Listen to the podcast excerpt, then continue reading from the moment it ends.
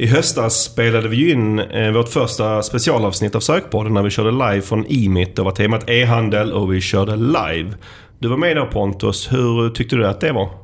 Ja, det var ju på mitt initiativ delvis och det var ju spännande men man måste ju vara lite extra på tårna när det är live såklart. Ja, jag tycker också att det gav lite blodad eh, tand att köra ett sånt här specialavsnitt. Så idag är det dags för vårt andra specialavsnitt. Dock inte live den här gången. Men istället med en eh, speciell gäst. Det är inget att vänta på. Nu kör vi igång. Du lyssnar på Sökpodden. En podcast för dig som gillar Google, SEO och SEM. Sökpodden görs av Pineberry.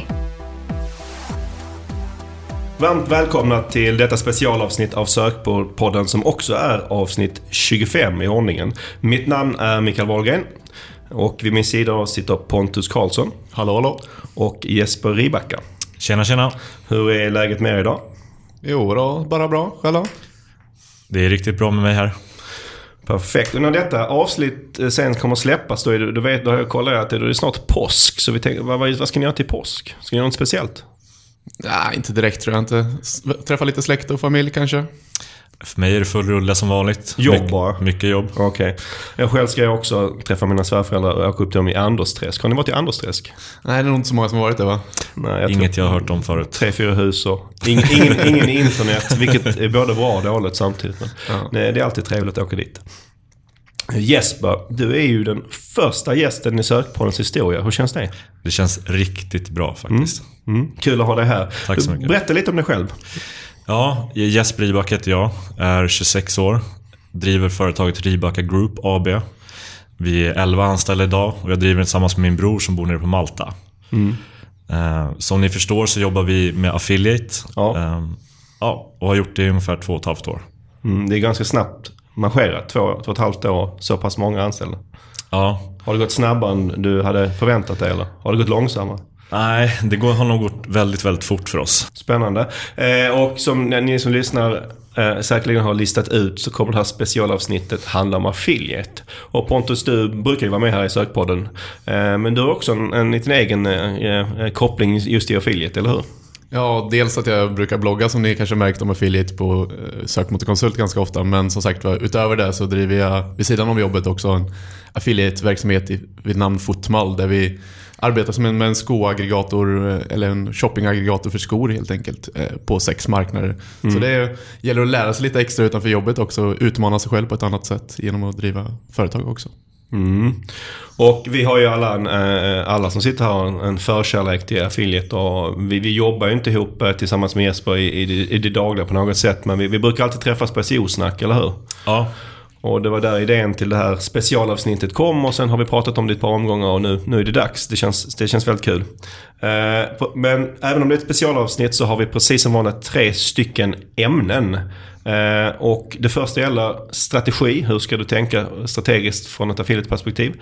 Nästa eh, ämne är hur ska du få trafik till din sajt? Och i det tredje och sista ämnet så ska vi djupdyka i kanske det, den delen av affiliate och det segmentet. Segmentens segment, Casino Affiliate. Och eh, det är väl lika bra att vi kör igång direkt med första ämnet som är strategi. Jag vet att det är jättemånga som lyssnar. Det har varit många som har sagt att vi ska ha mer affiliate i sökpodden. Så då, därav tänkte jag att vi gör ett, gör ett helt specialavsnitt kring det. Men den första frågan tror jag många ställer sig som är affiliate är vad ska jag vara affiliate inom? Du sa Pontus att ni, ni kör inom, inom skor. Precis. Ja. Hur, var, det, var det självklart för er liksom att, att välja det eller? Nej, det var verkligen inget självklart val. Och De hade börjat köra lite streetwear från början men insåg att det är ganska konstigt segment att köra streetwear. Så sen skruvade vi om det till skor, för skor är någonting som har en väldigt stort sökbeteende med tanke på att alla behöver skor. Men det är ju inte det segmentet där man tjänar mest pengar som kanske vore en faktor att ta hänsyn till annars. Eller vad säger du? Nej, så är det liksom. Och, och vi, vi kan väl börja med det. Vi, vi vi tar lite olika faktorer som man kanske ska ta hänsyn till när man ska välja segment. Om vi börjar då med ersättningsnivån. Alltså hur mycket man får när man skickar eh, kunder vidare. Vad är det en bra nivå? Vad skulle du säga Jesper? En bra nivå, det skulle väl vara runt ungefär 1000 kronor per, per lead. Ja. Ehm, sen så får man ta lite hänsyn till vilket, vilken nisch man väljer och hur stora sökvolymer som finns och så vidare. Men, men det, det är väl där vi tycker det är intressant att titta på. Hur många, eh, finns det jättemånga segment eh, där, där, leaden- där, där man får mer än 1000 kronor? Eller är det ett, ett, Nej, ett det är, in, det är inte så många. Nej. Nej, på skor kan jag lova er att det inte är några tusen kronor. Då hade jag skrattat hela vägen till banken i så fall. Men där finns ju andra fördelar som vi kanske Precis. kommer in på som, som, som gör att man kanske väljer just skor. Ja. Var får man reda på de här nivåerna liksom? Kontaktar man företagen och frågar vad de är beredda att betala eller hur gör man om man är affiliate? Det, det finns ju någonting som kallas affiliate-nätverk. Ja. Vilket är företag som har samlat annonsörer och publicister tillsammans. Eh, där du kan hitta all information om vad du får för ersättningsnivåer. Eh, ja, vad det finns för produkter att marknadsföra och så vidare. Mm. Vilka sådana nätverk finns det? Ja, Trade Doubler är väl det, mest, det största just nu. Och sen så finns det även Attraction som vi jobbar väldigt mycket med också. Ja. Och där kan man gå in och se liksom vem som betalar vad för vilken typ av produkt. Ja, man får i alla fall se en grundförutsättning och sen kan man ju utifrån det förhandla oftast. Men det är ju i alla fall grundförutsättningen som alla kan få som publicister. Ja, men hur mycket kan man förhandla? Om man, om man är en sån jättestor affiliate som ni börjar bli Jesper, hur mycket kan man förhandla i procent då? Kan ni få dubbelt så mycket eller? Ja, ungefär dubbelt så mycket skulle jag räkna med. Ja. Så det är bra att veta att man, att man om man säger att man kan få 400 kronor så vet man att ja, när jag blir riktigt duktig så får jag kanske 800. Exakt. Ja. Hur, hur lång tid tar det tills man kan förhandla? Kan ni förhandla direkt eller är det någonting, man måste man bevisa sig för? Ja, vi är i ett sånt läge nu där vi brukar kunna förhandla direkt. Men i början måste du kunna leverera ganska mycket trafik för att kunna höja provisionen. Ja. Eh, Sen är det också bra om flera bolag i den nischen har börjat höja. För då höjer de mot varandra. Och då blir det till slut en ganska hög nivå. eh, Så det, det är också någonting man kanske ska titta på att det finns inte bara en aktör att få eh, leads från. Utan att det ska finnas kanske flera i samma segment. Och det är också, skick, skicka leads till menar du i det här fallet? Ja, exakt. precis. precis. Jag menar få ersättning från. Mm, Eh, för att det finns ju också såklart en risk med att om det bara finns en som man kan få ersättning från. Om den slutar i ersättning så, Ja, då, då, då är det jobbigt. Då är det oftast de som ställer kraven. Liksom. Ja. Okej, då har vi avklarat det här med ersättningsnivåerna. Men en, en annan sak som såklart är jätterelevant att kolla på när man väljer sitt, sitt segment är ju sökvolym. Eh, hur många som söker inom det här segmentet. Alltså hur mycket trafik finns det man kan, man kan få från Google. Vad skulle ni säga vad, vad är det minsta för att det ska vara intressant överhuvudtaget? Alltså jag skulle säga att det hör ihop lite med ersättningsnivån. Men Ja. förutsätter vi att vi har en ganska hög ersättningsnivå så skulle jag säga att minst några hundra sökningar i månaden är ganska bra. Ja. Ehm, och sen så upp till flera tusen finns det ju inom vissa nischer. Men, men minst några hundra. Så har man en hög ersättning då kanske det räcker med ett par hundra. Men i ert fall där ersättningsnivån inte är så hög. då precis. snackar vi om lite större sökvolymer. Ja, men är- man kan ju väga dem lite mot varandra. Man behöver ju högre sökvolymer om det är lägre i förtjänst på varje Ja. kund helt enkelt. Så det, Men, men tar ni även hänsyn till konkurrensen när ni ger in i ett segment eller när ni funderar på det? Alltså hur, och hur gör ni i så fall? Absolut, det är no- någonting man också måste titta på. Och det finns för och nackdelar med att ha stora aktörer inom en nisch. Ehm, en fördel med om det finns en stor aktör är att den ofta har plöjt, plöjt fram och gjort det ganska lätt för andra affiliates att ta sig in och få kontakt med aktörer som vill synas. Eh, nackdelen då är att de oftast har haft ett försprång och tagit en ledande position. Ehm, Är det något specifikt som skulle avskräcka er helt om ni tittar på konkurrenterna? Om det här finns, då skulle jag inte ge mig in i, i det här segmentet överhuvudtaget.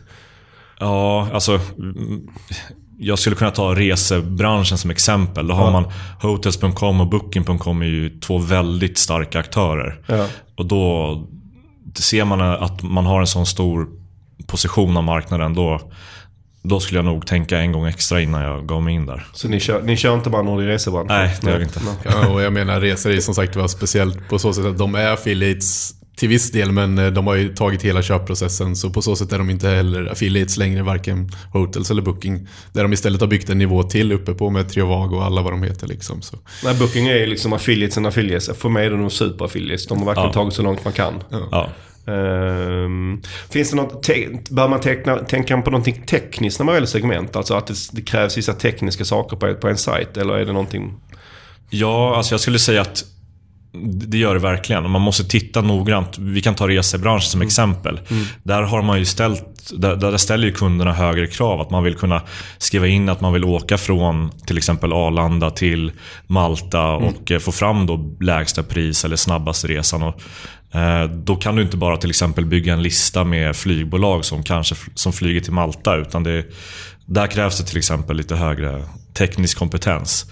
Ehm, En lista över alla flygtider i hela världen. Liksom. Den är Ja, inte, det är inte en så bra lista. Nej, utan det gäller att Det gäller att bygga en bra tjänst kräver Ja. vissa segment och andra segment har ännu inte kommit så långt. Liksom. Nej, exakt. Där räcker det med en traditionell topplista kanske eller, eller informativ sida om, om, om ämnet. Jag skulle vilja säga att de, de, de, de flesta nischerna börjar nog med en, typ en lista med information. För det är ändå information besökaren söker efter. Ja. Sen så slutar det nog med ganska komplex, komplexa tekniska tjänster. En annan sak man kan fundera på när det gäller segment är att huruvida Google tillåter annonsering på AdWords eller inte. Eh, De gör de ju i de flesta segment, men det finns ju vissa segment där de inte gör det. Eh, Sen är det som en för eller nackdel om det finns AdWords. Alltså som affiliate skulle jag säga nog att AdWords är en nackdel. Ehm, på grund av att de som egentligen äger produkten har större möjlighet att tjäna pengar på AdWords än vad vi affiliates har eftersom att vi är ett mellanled. Och att en, en hyfsat stor del av trafiken kommer gå eh, till AdWords då. Som Ja. inte att man tappar, alltså sökvolymerna Ja, organiskt pre- precis, exakt. Och vi tappar ju då trafik från det organiska söket. Så Ja. jag skulle helst se ett Google utan annon- annonser. Ja, jag tror inte, Go- jag tror inte skulle Google alla vi som jobbar med SEO. Eh, vad bra. Nästa grej. Eh, hur tänker man kring geografi? Alltså, vill man ha segment som, eh, som, är nationell, eh, som är internationella? Eller kan man tänka sig liksom segment som bara till exempel gäller i Sverige? Eller är det för litet? Hur tänker ni där? Alltså mitt första tips är väl att börja med det språket man behärskar bäst. Ja. Eh, och därför är Sverige alltid bäst att börja med. Eh, sen är det alltid skönt, eller vi tittar alltid på möjligheten att kunna skala upp det internationellt. Så det är bra om det är möj- den möjligheten finns. Men det går absolut att driva en affiliate-verksamhet enbart mot Sverige.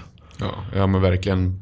Men till skillnad som sagt när, när jag, vi började jobba med fotboll så var målet direkt ja, vi ska upp på 56 marknader. Och då var det ju liksom ta den svenska sajten och i princip bygga ett skal på engelska så vi hela tiden kunde översätta det till en ny marknad. Så Det finns ju olika strategier men ska man växa inom ett smalt segment så gäller det att gå till fler marknader i slutändan. Ja. Men Jesper, ni, ni börjar fortfarande även idag på Sverige. Om ni ska gå in i ett nytt segment så börjar ni i Sverige. Är det alltid så eller? Eh, ja, det har varit så hela vägen i princip. Ja. Eh, det kanske kommer förändras i framtiden, men just nu har det sett ut så. Hur mycket tänk, tänker ni på domäner när ni väljer segment? Alltså vil, vilka domäner som finns tillgängliga? Då tänker då på liksom sökordsdomäner. Eh, exact match domains. Hur viktigt är det att de finns? Alltså det är ju någonting vi tycker väldigt mycket om. Eh, dels ur ett SEO-perspektiv så ser vi det som en fördel att ha en exakt match domain. Alltså namnet på det sökordet man vill synas på. Eh, och Sen finns det en annan väldigt bra sak och det är att du får lite branding på köpet när du har ett sånt domännamn. Eftersom att besökaren innan den till och med har besökt din sajt vet vad sajten kommer handla om. Du menar så att det är lite... Normalt sett som affiliate är det ganska svårt att bygga varumärke jämfört med kanske traditionella företag. Ja. Men om du har en, en, en sökordsdomän så indirekt får du lite liksom varumärke på köpet. Exakt. Jag tyckte det var en intressant twist när du berättade det innan att du tänkte så. För jag har nästan tänkt tvärtom, att det är svårt att bygga varumärke på en sån domän. Men, men det är klart, det ger ju ett visst varumärkesförsprång i och med att det är sökordet. Men skulle, skulle ni liksom, nej vi går inte in i det här segmentet för vi, vi får inte en bra domän. Nej, alltså om segmentet är väldigt intressant då går det alltid att hitta en annan domän som går att twista lite som till exempel Spotify eller någonting. Ja. Eh, så det, finns, det kommer alltid finnas en bra domän att hitta. Men hur, hur vanligt är det att ni eh, eh, köper domäner alltså av folk som, som redan har dem i de här lägena? Det är väldigt vanligt och det, Ja. det är nästan så man får göra. Det finns nästan inga bra lediga domäner kvar. Så Man får helt enkelt hitta den som sitter på domänen och köpa den. Är det en lätt process eller? Är, Nej, det är väldigt knepigt faktiskt. Ja. För att eh, man kan dölja ägarinformation. Så man måste vara rätt duktig på det och kunna sina tricks för att hitta vem som ligger bakom det. du, du behöver inte avslöja exakt vad ni betalar men liksom, känner du att liksom, ni får betala rimliga priser eller är det liksom... Alltså ibland gör man ju bra klipp och ibland får man betala sexsiffriga belopp för att hitta en bra domän. Så Ja. det, är, det är lite olika beroende på vilken nisch och hur, hur många som vill ha domäner inom det området. En annan sak kring strategi och det här när man väljer eh, eh, hur man ska göra är att så också som har med domäner att göra. Hur, hur ser ni på att bygga en sajt som man satsar allting på eller bygga väldigt många sajter? Jobbar man med sökordsdomäner så handlar det ju ofta om att man kanske bygger många sajter. Mm. För att det finns kanske ett antal sökord i ett segment. Nej men det är ju väldigt mycket en fråga om liksom konkurrens. Ju högre konkurrens det är ju kanske du måste ha en exakt mesh-domän lite som Jesper sa. Och mm. Då blir det ju att du bygger fler sajter. Samtidigt vill du försöka utnyttja dina sajter som du också har och bygga upp en, någon form av long tail på dem. Så det måste nästan vara någon form av kombination där, eh, skulle jag säga. Men ni har väl valt att köra på en, en primärt en sajt eller? Ja, precis. Ja. Så för Fotmal så har vi ju mm. en per, per marknad helt enkelt. Mm. Men vi har inte satt alla marknader på en och samma heller. Så Nej. Det är lite riskspridning mellan marknaderna till exempel. Ja.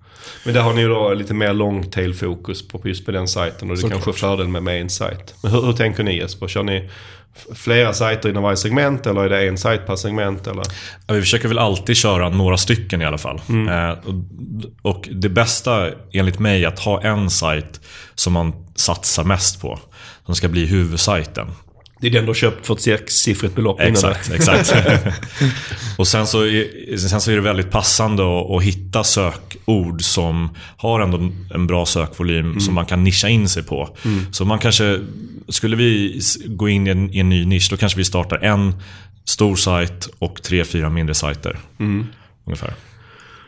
Och hur, hur, tänker ni kring eh, fokus och antal segment? Alltså hur många segment går man in i som affiliate? Kör man bara ett race? Ni kör ju ett, eller hur mm, Pontus? Mm, jag vet att ni kör eh, ett par olika. Liksom. Hur, ja. hur tänker ni kring det? Jag tror att det är väldigt viktigt att hålla fokus. Mm. Uh, och vi, vi, vi, började ju, med vårt företag så började vi med mycket mindre nischer. Mm. Vi har ju slutat med att vi, nu fokuserar vi väldigt mycket på de större nischerna istället. För det är där mm. mest trafik och mest pengar finns att hämta. Mm. Men jag tror att man inte ska hoppa på alldeles för många nischer i början. Utan det är nog bra att ta en i taget. Eh, och, och, och verkligen lära sig den nischen. Läs på om produkterna eller tjänsten du ska jämföra. Och sen bli typ bäst på det. Mm. Det är nog mitt bästa tips. Nej, men och där är ju väldigt intressant för det går ju att koppla åt lite till det vi börjar med, liksom förtjänsten också. För om du blir stark inom ett segment så kan du förhandla bättre också. Aha. Det är i slutändan där det handlar om. Så mm. På så sätt vill du ju bygga dig stark inom ett specifikt segment. Och det är också som du sa, säkerligen ganska svårt att vara duktig på alla segment. Och man, ja, alltså det vore de, grymt om man kunde det. Men det ja, precis. Men det, det, det är svårt att kunna allt. Liksom, ja. För att man konkurrerar då kanske med de som bara kör det segmentet och, ja. och lägger all sin vakna tid på det. Medan man själv kanske bara lägger ett par timmar i veckan ja. på just det segmentet. Men sen skulle man kunna dela upp det som till exempel finans. Där finns det ju små segment i. Ja. Där ser jag inget problem att köra typ bolån, privatlån och snabblån samtidigt. Nej. Uh, men det är kanske inte är så bra att köra finans och, och matkasse på en gång. Utan kör då en, en nisch. Och om vi avslutar, börjar avsluta den här första punkten här. Kan ni ge några exempel på bra segment? Vilka skulle ni säga är de? jag skulle säga att Jesper är bäst att svara på den frågan för att det är du som tjänar mest pengar på det. Nej, men jag tror att eh, absolut eh, kasino. Och, och det kommer jag återkomma till sen också. Exakt, ja. och, och, finans är väldigt bra. Ja. Um, alltid tjänster som du behöver på nätet som hosting och så vidare är väldigt mm. bra. Eftersom att det är väldigt kort till att man kunde göra ett avslut. Mm. Uh, och hög, alltså webbhotell, så det är ganska höga marginaler vet i businessen. Ja. Att ta en extra kund på webbhosting kostar nästan ingenting. Nej. Så de är oftast beredda i sig att betala ganska mycket i ersättning. För ja, verkligen, verkligen. Och det är mycket där det handlar om. Höga ordervärden eller höga värden per kunderna så är det mycket intressantare. Så det är det de här har gemensamt, kasino, lån och hosting. Att, att eh, en kund är värd så pass mycket där. Det är det som gör att de är intressanta. Mm. Helt enkelt. Precis, så börja tänka så baklänges. Mm. Okej, men har vi några exempel på dåliga segment? Det som inte funkar alls, som man ska hålla sig borta ifrån? Ja, vi skrattar lite åt det. Det är ingen som säljer bilar online än, fast det är höga ordervärden. Så det kanske är svårt att vara affiliate åt en eh, bilåterförsäljare på så sätt. Ja. ja. Det är svårt att få till en affiliate deal kanske. Det finns ju sökvolym. Teoretiskt sett har höga ordervärden, men att få till en affiliate deal med, med Volvo är väl lite Nej, lurigt va? Jag tror att det kommer säkert vara en, ett segment som kommer mm. långt fram i tiden. Men just nu så håller bilförsäljarna ganska hårt på att de vill kunna sälja bilarna själva mm. lokalt. Tesla det... säljs väl online, eller hur? Så, ja. att, så det finns väl kanske någon förändring på gång. Att, att det är mycket möjligt att om 10-20 år så säljs alla bilar på nätet ja. också. Mm. Jo men exakt. Ja. Och då kanske man ska vara tidigt ute å ena sidan. Men jag tror fortfarande, som sagt var det är svårt att tjäna pengar på det idag så blir det lite knepigt. Ja. Har ni några tankar kring framtida segment som ni tror, att som kanske inte är så heta idag, men som ni tror kommer vara någonting framöver. Ja, men leasing är ett väldigt intressant, intressant segment som jag tror kan bli, bli riktigt bra faktiskt. På tal om bilar då, du tänker till exempel på billeasing? Ja, eller? ja exakt. Till exempel. Och leasing är väl typ ett typ av lån. Och Ja. det, är lite lättare att få den kunden att gå med på ett leasingavtal till exempel med en bil. Ja. Eh, Ja, så jag tror, jag tror att det är ett segment som Är det, är det någonting ni, ni, ni satsar på idag eller så ni kan? Inte kanske- direkt faktiskt. Nej. Annars skulle jag inte säga det här. Eh, Vi var lite inne på det tidigare här. Eh, när vi nämnde, pratade lite om Booking Hotels. För att det de gör fantastiskt bra. Om de, jag tror kanske inte de ser sig som affiliate själva längre. Men jag ser dem ändå som någon form av affiliate till hotellen. Ja. de, skickar ju, de skickar ju hotellgäster till, till, till hotellen. Men det de gör som skiljer kanske mot de flesta affiliates. Det är att de äger kunden. Verkligen. På, på ett sätt. Det är de som tar betalt. Det är de som kan heter det, bearbeta kunden i efterhand. Och så är det ju normalt sett inte som affiliate. Hur stort problem tycker ni det är och hur jobbar ni på något sätt för att försöka äga kunden i större utsträckning? Alltså det är någonting vi tittar mycket mer på nu. Eh, och jag tror man alltid måste titta efter det och se hur man kan få bättre kontakt med kunderna, lära sig mer om dem. Ja, och helt enkelt äga dem. Och, och ett, ett exempel som jag vet, som vi kommer att prata lite mer om när vi pratar om kasino affiliate, det är ju att som, där vet jag att det är ganska vanligt att man själv kanske öppnar ett kasino. Eller hur? Sen vet jag Exakt. att, affiliates har lite blandad erfarenhet av det. Men det är ju ett sätt att man skulle kunna äga kunden. Ja. Nej men det är ju så liksom och på något sätt måste man ju samla in någon information om kunden och antingen handlar det om att bygga en riktigt, riktigt bra tjänst som gör att kunden verkligen vill lämna in sina uppgifter och få information utifrån det eller också så handlar det om att eh, på något sätt ge ett mervärde via samla in e-post, e-postadresser eller något för, för att ge bra information eller inspiration eller någonting också som man kan jobba med. Mm. Spännande. Men då lämnar vi första ämnet och så går vi... eh, Nu, nu antar vi nu har vi, nu har vi satt vår strategi vad vi ska göra, vilket segment vi ska jobba i. Och, eh, då är ju nästa steg, okej, hur får jag trafik till min sajt? Och eh, det finns lite olika sätt. Det, det, det, det mest självklara sättet som alla tänker på och det är därför vi pratar så mycket om affiliates och gillar affiliates, det är ju såklart SEO. Ja. Men vi, vi ska prata om lite olika sätt idag förutom SEO. Men, men vi, vi börjar med, med SEO.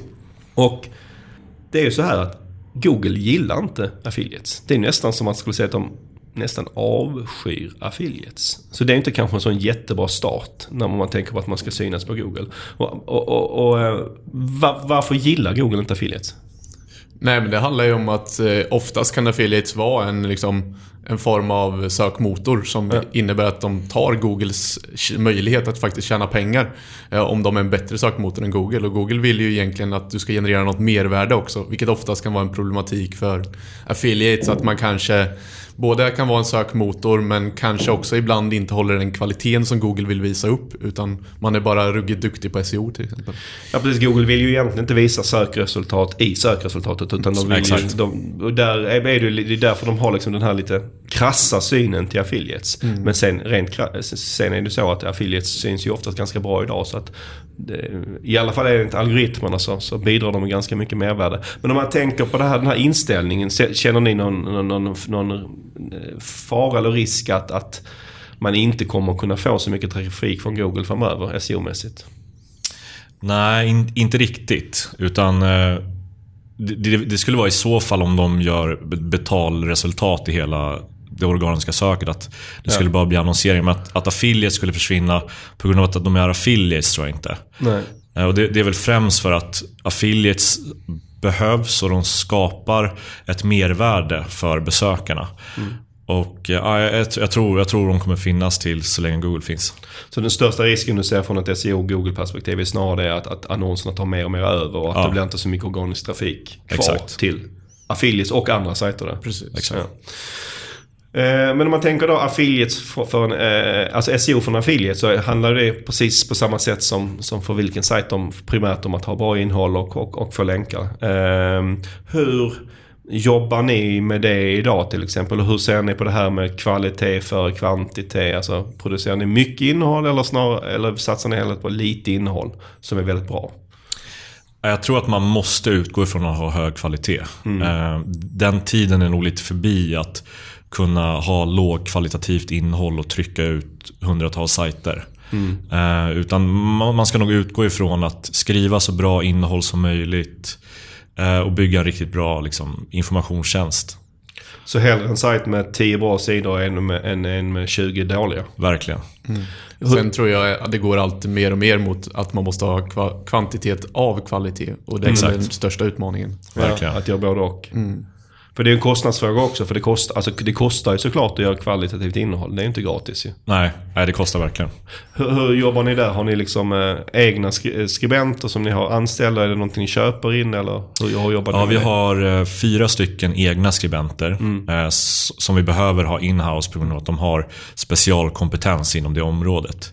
Sen har vi tre stycken företag som vi anlitar. Eh, Utifrån. De- är oftast lite större projekt som, som tar lite längre tid också. Så har ni, har ni eh, skribenter inhouse för att det är en kvalitetsgrej? Att, att det blir bättre kvalitet? Eller är det för att det blir billigare? Alltså vad är det främsta skälet? Nej, det är kvalitet. Det är kvalitet. Det kan inte ens bli billigare utan... Nej, det tror jag inte. Nej, utan- Eh, in, inte när vi har räknat på utan det är mer att vi, vi måste kunna garantera att det innehållet är verkligen bra. Och, och länkar, hur, hur, hur svårt är det när man jobbar som affiliate att få länkar? Alltså jag skulle säga att länkar är nog den största utmaningen för en affiliate. För man får alltså jämfört med vanliga sajter, alltså så kallade riktiga företag om man ska Ja. jämföra. De får ju oftast en andel naturliga länkar för att de är riktiga företag. Som all affiliate måste man ju ofta kanske hjälpa till när det gäller de flesta länkar som man får till sin sajt. Om man inte blir jättestor affiliate. Nej, exakt. Ja. Jag tror att majoriteten av alla affiliates måste jaga länkar på egen hand. Ja. Och det, det är nog den största utmaningen alla sitter framför. Och, men vad skulle ni säga, är det, vad är de vanliga misstagen man gör när man jagar länkar? Det vanligaste misstaget är nog att man eh, inte budgeterar rätt och går på de billigaste länkarna och tänker att man ska ha många länkar. Eh, och det är absolut inte så. Det är ver- verkligen fel att börja i den änden. Utan man ska nog... Det, mitt bästa tips där är att titta på dina konkurrenter, titta på deras länkprofil. Vilka länkar har de som är bra? Och försök jaga de länkarna. Det, det är ett enkelt tips att börja med. Så om som du ska in i ett nytt segment och så ser du att det är en sajt som rankar etta som har, säg, nu, nu hittar jag på ett exempel, 40 länkar som, Ja. eh, som länkar till den sajten. Då tittar du inte så mycket på att det är 40. Det är inte det du tittar dig blind på utan du försöker bedöma som nivån på länkarna. Ja. Och så försöker du klå dem nivåmässigt med bättre länkar, inte i antal. Nej. Antal, antal tänker jag inte på alls. Och, och ett annat ganska bra tips om man vill hitta länkar är att får du en länk från en annan sajt inom din nisch så per automatik så kommer Google gilla din sajt. eh, För relevansen blir väldigt hög.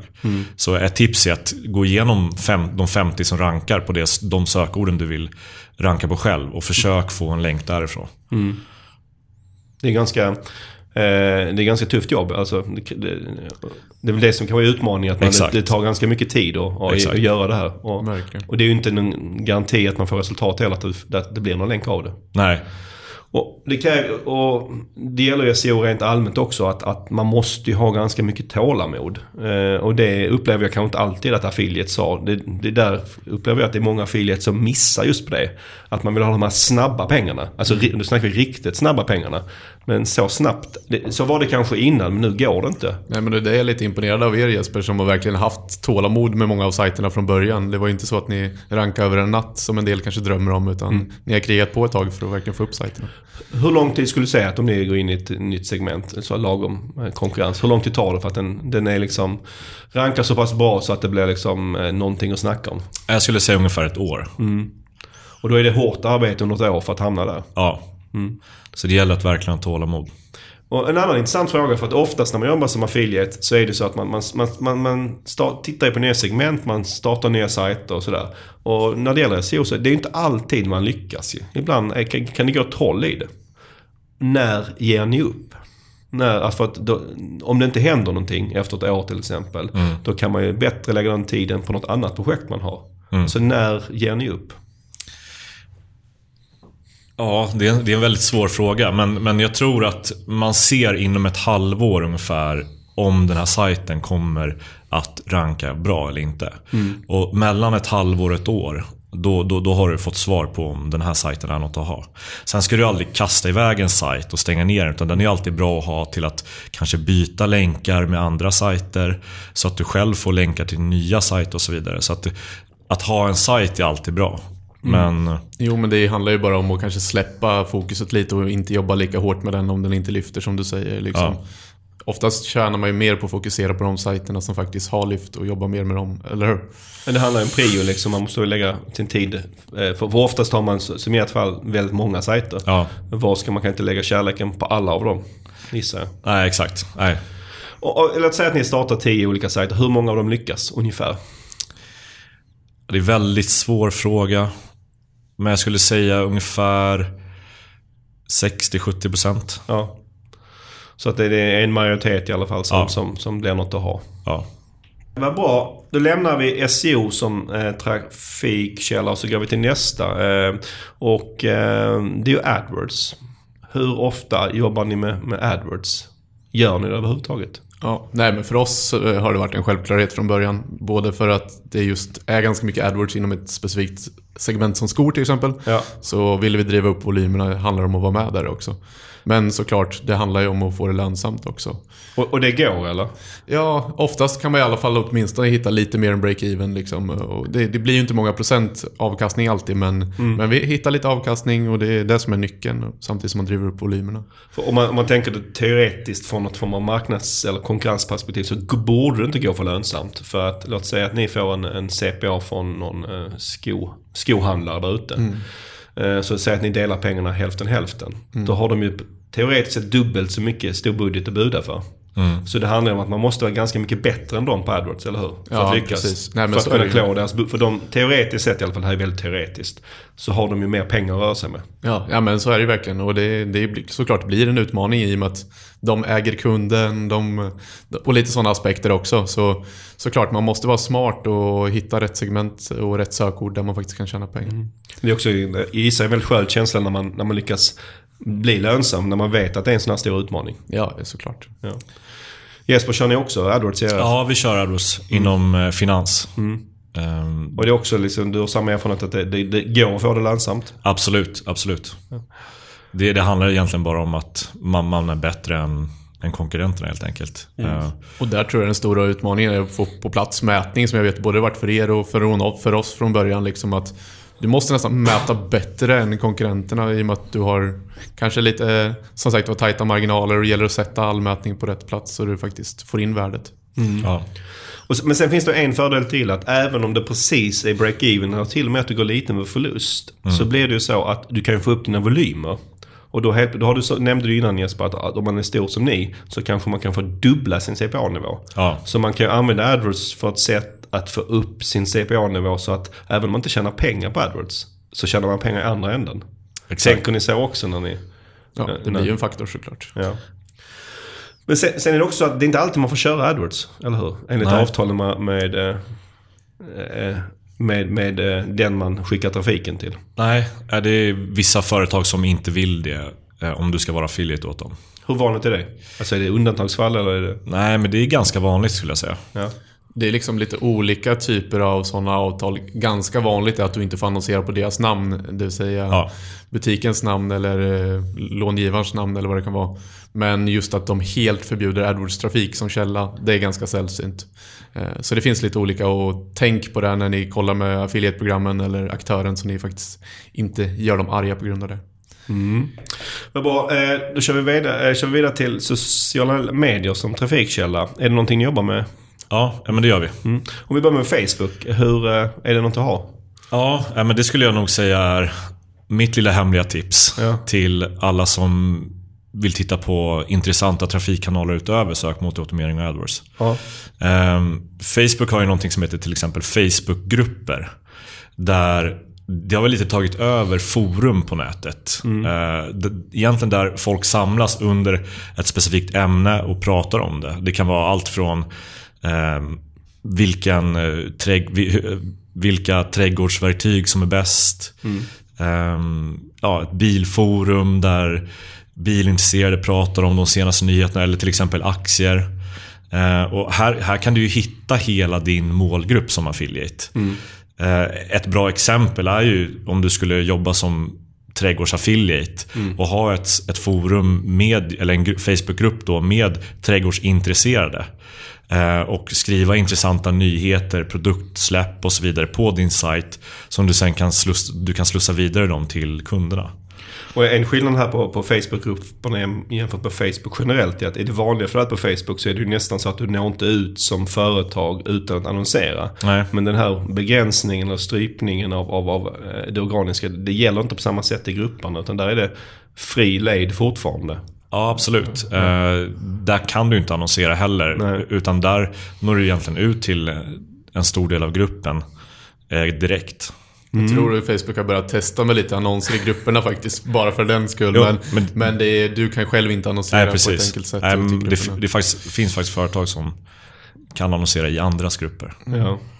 Spännande. Så Facebook är en intressant kanal. Det, tror jag inte, det är nog inte många. De flesta som tänker på affiliate tänker ju på SEO. Där finns ju bevisligen andra kanaler man också kan tänka på. För det är ju såklart inte, det är inte bra att vara allt för beroende av en endaste kanal. Nej. Eh, jag vet Pontus, ni kör en hel del eh, eller, eh, på Instagram. Ja, vi har i alla fall dragit igång det ganska Mm. mycket och där handlar det om att bygga upp en enorm stor följarbas innan man kan generera något större värde av det. Men, Mm.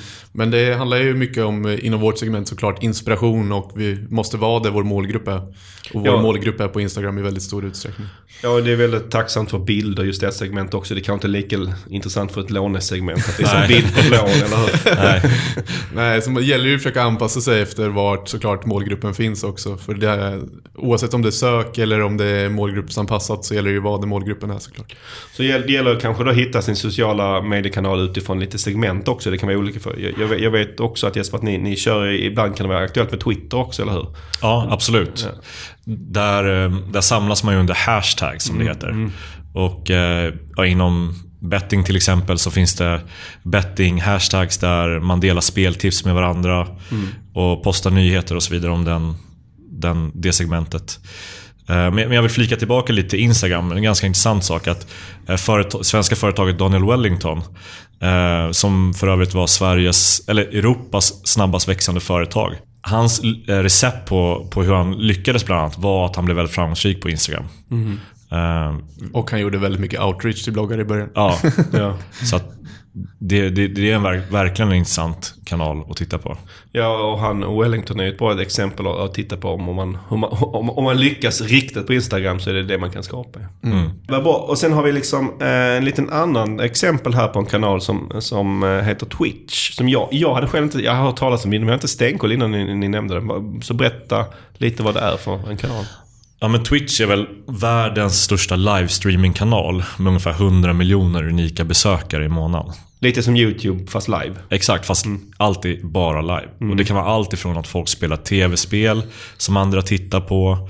Ehm, ja, de, de har vissa restriktioner vad man får göra och inte göra. Men, men, men du kan se det mesta som är lagligt där, live.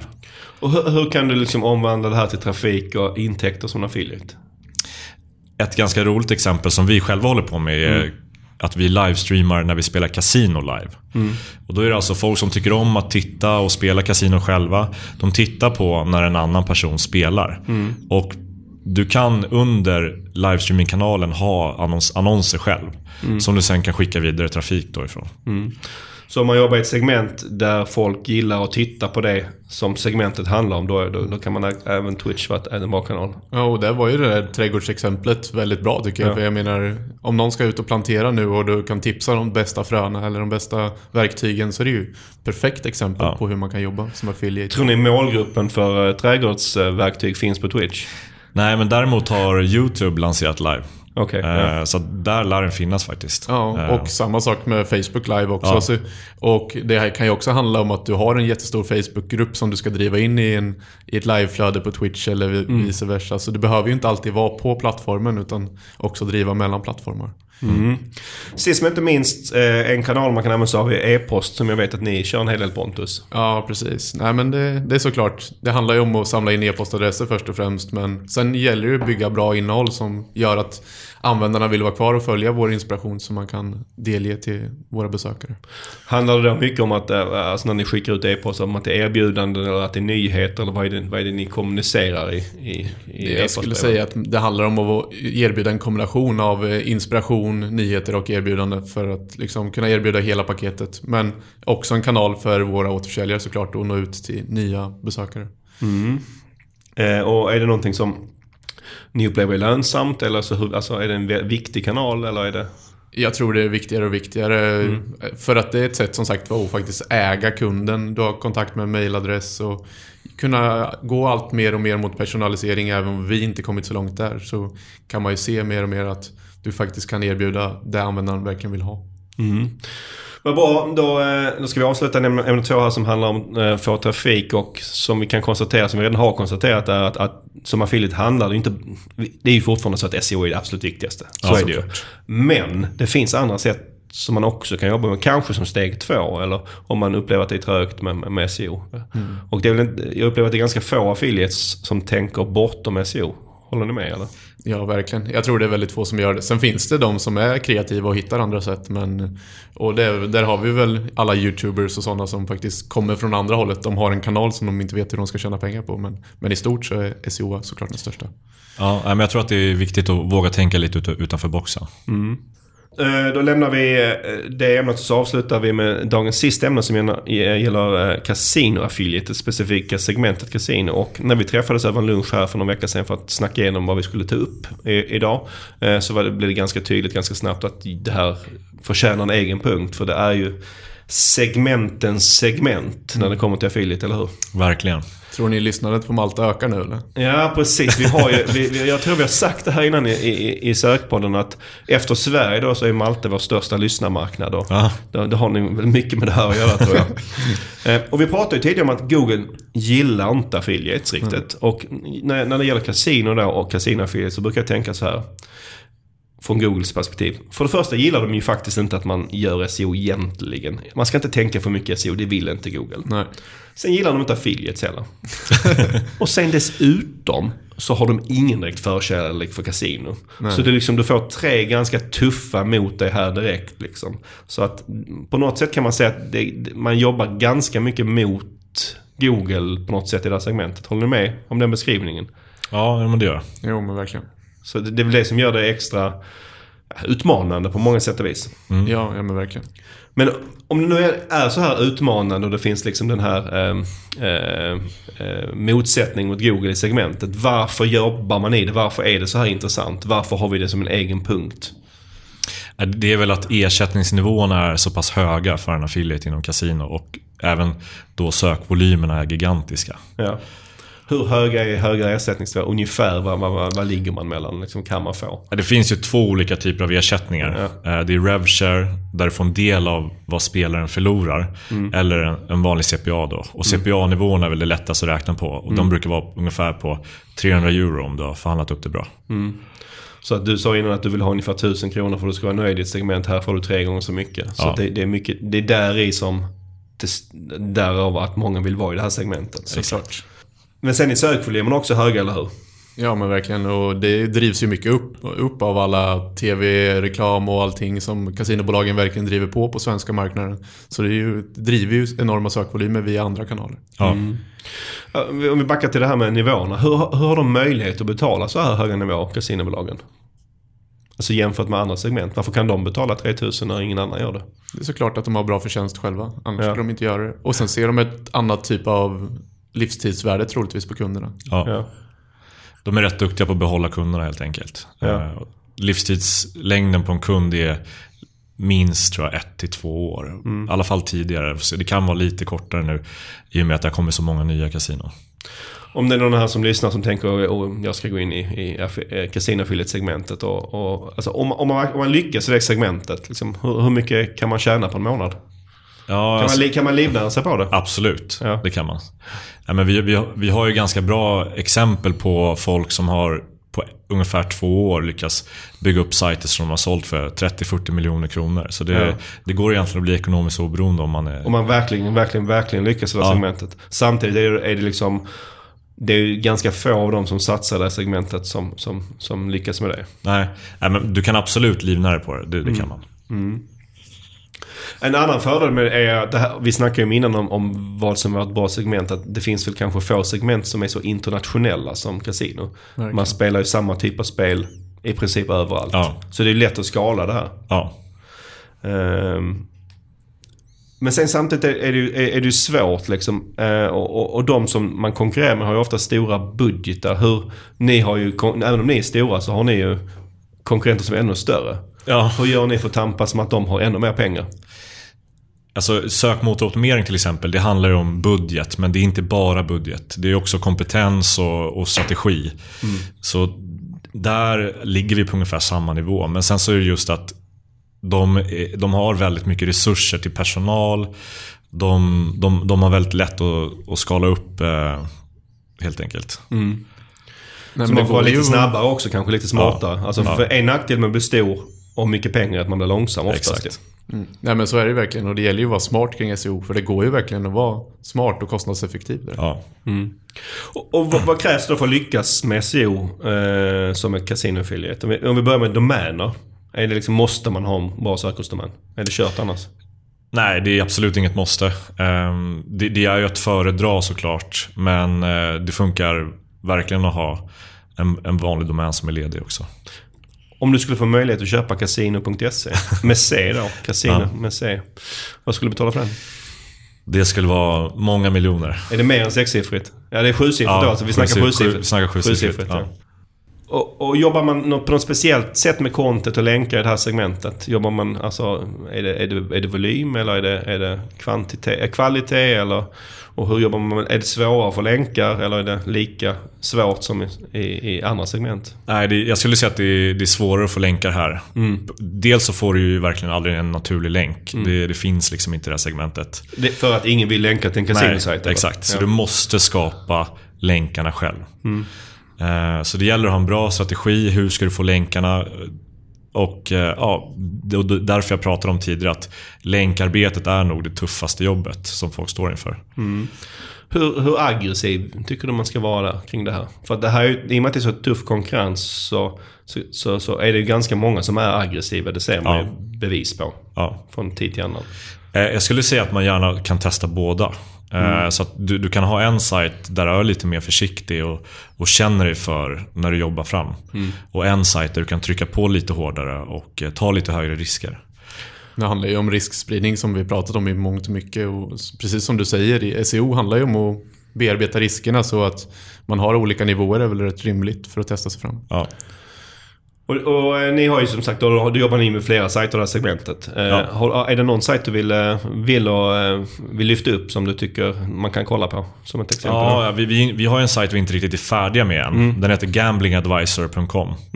Och det kommer väl bli en sajt som ska vara mot hela världen. Så det är vårt nästa stora projekt.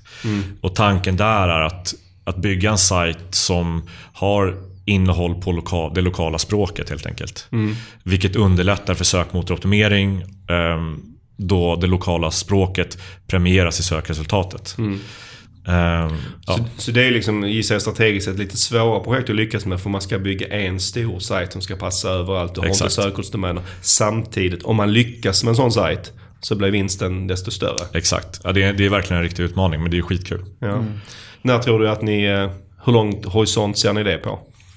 Eh, när, hur menar du? När Alltså ni, när, när kommer ni bedöma om ni har lyckats eller inte? Nej, jag skulle säga att det är ungefär ett år där också. Från att sajten lanseras till ett år fram så får vi se hur, hur, hur bra det går helt enkelt. Spännande.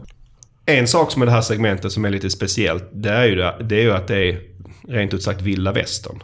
Ja. Det kan man ju tycka är lite jobbigt eller charmigt. Vad, vad, vad, vad tycker ni? Är det, är det charmigt eller är Ja, det men jobbigt? det är lite, eh, lite spännande just att tittar man på de här sökresultaten så eh, märker man ju mycket. Det finns eh, sajter som är hackade, sajter som har hackade länkar till sig. Så det, det finns ju många aspekter i det där som gör det väldigt knepigt. Liksom. Eh, Men det blir också lite intressant för att man tävlar på lite andra villkor än annars kanske. Och det, vill man själv hålla sig på rätt gräns så har man lite utmaningar såklart. Ja, men det kan ju väl, jag gissar att det... eh, Att kan bli lite frustrerad om man själv inte håller på att hacka sajter liksom, vilket jag absolut inte tycker man ska göra för det är olagligt. Ja. Eh, eh, och man ändå blir omrankad av någon som gör det. Det gissar jag är lite frustrerat. Det är frustrerande, verkligen. Ja. Men vad gör man åt det?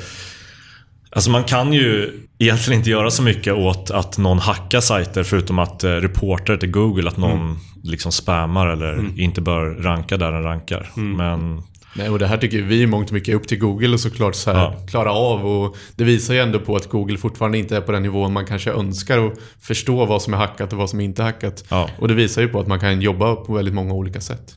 No, ibland, för att använda det här segmentet, ibland så är det ju så att, att det kommer upp lite dagsländer som ligger där ett tag upplever jag. Men sen finns det också ibland, och det kan jag väl ändå det har jag lite mer acceptans för algoritmiskt att det kan, det kan de kanske väldigt svårt få bort. Men sen ibland ligger ju sajter kvar väldigt, väldigt länge. Som Ja. kanske inte borde ligga där. Som är alltså olagligt hackade. Ja, men vi, har, vi har exempel på en sajt i Sverige faktiskt som jag tror den snart har legat i ett år i toppen inom kasino.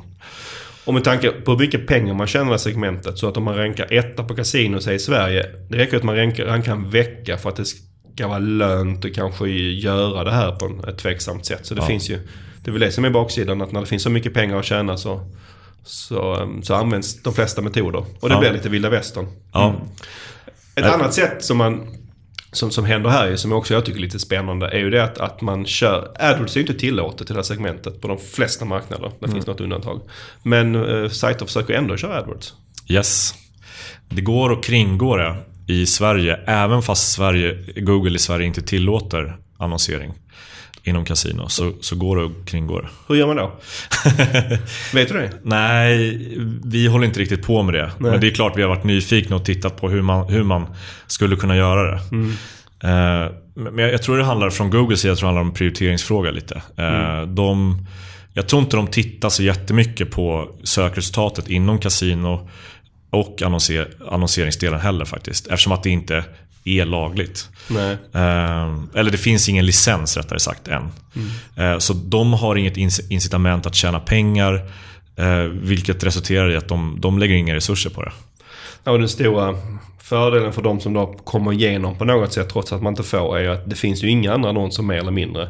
Så Nej, att om man väl kommer igenom så får man en st- relativt stor andel av trafiken. Ja. Till sannolikt en låg kostnad också för att Ja. klickpriserna lär ju inte vara så höga. Ja, och just där så ser man ju just att det är inga, det är inga vanliga affiliate-sajter som ligger som länkar i det här, utan det är många olika liksom, tekniker som de använder. Det kan stå stora svenska bolag som URL och det kan stå alla möjligt. Så man ser ju att det inte är gjort på ett korrekt sätt också ganska snabbt på AdWords-annonserna. Ja, man, hoppas of, man hoppar ofta, oftast genom typ tre sajter tills man kommer till slutdestinationen. Ja.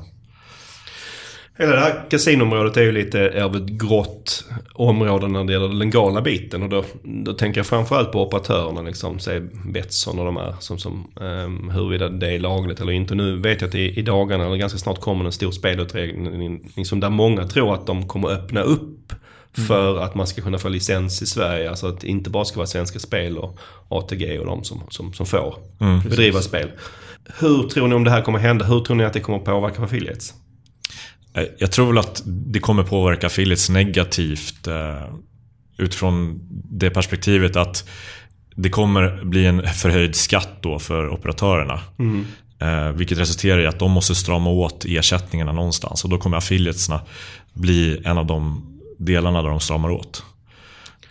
Så du ser inte riktigt för Du hoppas att det fortfarande blir reglerat? Ja, Det, det finns ju en annan positiv del med det Ja. hela. Och det är att eh, det kommer ju, de kasinorna som kommer finnas kvar kommer ju ha en licens. Där kommer antagligen att öka och det kommer bli bättre för spelaren. Och marknadsför man de kasinorna så kommer antagligen livslängden på en spelare öka också. Så det, det, finns, det finns lite för och nackdelar.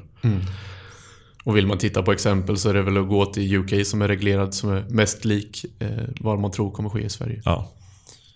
Eh, Du var inne på det här lite innan Jesper, i början när vi började prata om Casinoinfälls. Det här att det finns ju två ersättningsmodeller. Dels att man får för CPA, att man får en, en, en pengar i handen direkt när det blir en kund. Eller när man kör RevShare, där man delar intäkterna. Ja. Hur tänker ni kring det? Vilken modell väljer ni? Och, Vi, vi har ju valt att inte jobba så mycket med RevShare i, mot Sverige just på grund av att vi är lite osäkra på hur licensieringen kommer se ut. Så vi tar gärna pengarna först direkt och investerar det i nya marknader. Eh, Även, vi investerar även i Sverige också men, men just där att vi, vi vet inte hur, hur förändringen kommer ske. Eh, Samtidigt mot England till exempel, där finns det en licens, där, där marknaden är ganska stabil. Så där, där, där kanske man jobbar med en RevShare, eller en hybrid som det heter. Då har man lite av varje. En annan intressant fråga jag tycker här är som, det är liksom om man, man ställ, tänker på styrkefront mellan operatörerna. Och operatörerna här är ju till exempel Betsson eller Unibet och, och affiliatesen. För jag har ju själv jobbat i, i branschen på operatörssidan för, för Mm. länge sedan. Eh, och där tyckte jag liksom att styrkefront var lite bakvänt. Från mitt perspektiv då, för det kändes som att affiliaten satt på makten. Ja, Är det fortfarande så? jo, men det är absolut. Ja. Eh, Är inte det lite konstigt? Det är väldigt konstigt faktiskt. Och, och jag tror att det har blivit lite, lite för lätt att starta en operatör. Så det har blivit liksom ett priskrig som har resulterat i att affiliatesna har kunnat vraka och välja mellan tio bolag som de vill marknadsföra. Och då, då kostar det mycket pengar för att synas i den topp 10-listan. Ser du, något, ser du någon trend på, för jag tänkte för tio år sedan då att det här kommer ändra sig för det här är inte rimligt. Alltså när marknaden när branschen mognar så kommer det här lösa sig. Men det har be- bevisligen inte gjort. Nej. Ser du någon, eller ser du att det kommer, ser du framför dig att det kommer vara, vara likadant eller tror du att Nej, operatörerna jag- kommer ta över mer av makten? Alltså, om man tänker Sverige så är det klart att licensiering kan påverka lite. Ja. Men, men internationellt sett så tror jag inte det kommer hända någon större förändring. Nej, och där är det väl väldigt intressant just att, eh, vi kommer in på det sen, men det är vissa affiliatebolag som har tagit ganska stor del av marknaden och när det är färre affiliate som blir större och större så får de ju också väldigt mycket mer att säga till om. Så Ja. det driver ju också såklart utvecklingen. Ja, för om man tänker från ett affiliate-perspektiv, om man vill skaffa sig ännu mer makt än vad man har idag så kan man själv bli operatör. Det vet du, pratade vi initialt om. Ja. Det, det, det vet jag att det finns en del affiliates som gör. Hur tänker du kring det? Nej, men vi, vi, jag tror att det är ett ganska bra sätt att eh, gå den vägen om man vill kunna kontrollera sina spelare och ta det ett steg längre. Men sen krävs det väl helt olika kunskaper, i alla fall från mitt som jag ser det, att vara duktig operatör och vara duktig affiliate. För liksom, du sa, du sa tidigare, tidigare att kasinon är ganska bra på att, att hålla kunderna nöjda under lång tid. Det är ju en kunskap i sig, eller hur? Absolut, absolut. Det, det är någonting som man... Som man, man det är två helt olika typer av bolag då. Men, men, men eh, de större bolagen inom kasino har skapat någonting som heter White Labels. Som gör det enkelt för någon att starta upp ett nytt kasino. Och du får utnyttja det kasinots eh, plattform helt enkelt. Och då, då ingår CRM-system som gör att du kan ta hand om kunderna. Och eh, det legala biten som gör att du håller kraven för licensiering och så vidare. Så det är därför vi ser så många nya kasinon som kommer upp på marknaden idag. För att det har blivit mycket lättare att starta ett nytt kasino. Om du nu Jesper får välja att vara affiliate eller operatör i det här segmentet, vad väljer du? Affiliate alla dagar i veckan. Konstigt att ha affiliate special va? Eh, avslutningsvis här när det gäller det här segmentet så kommer vi inte riktigt runt och prata kanske den stora snackisen som finns i, i det här segmentet. Och det, det är ju bolaget Catena Media. Eh, som är, väl, i alla fall från ett svenskt perspektiv, eh, den, den, den största spelaren. Ja, men jag skulle nog säga att de är en av de största i, i världen faktiskt. Ja. Och det var också precis som ni, ett, ett bolag som startades ganska, ganska sent då, 2012. De har, eh, läste jag på här innan, de har ungefär 200 anställda. Det är Ja. ganska snabbt marscherat. Ja, Eh, och liksom tjäna en, en 200 miljoner per år i vinst. Liksom. Mm. Det, är liksom, det är ganska bra med pengar. Vilka är deras mest kända sajt? Är det någon sajt man känner till som de har som är stor eller? ja alltså deras mest kända tror jag heter Ask Gamblers. Och det, är väl med, det är väl en portal för, för kasinointresserade. Där man kan dela sina erfarenheter om, om kasinona.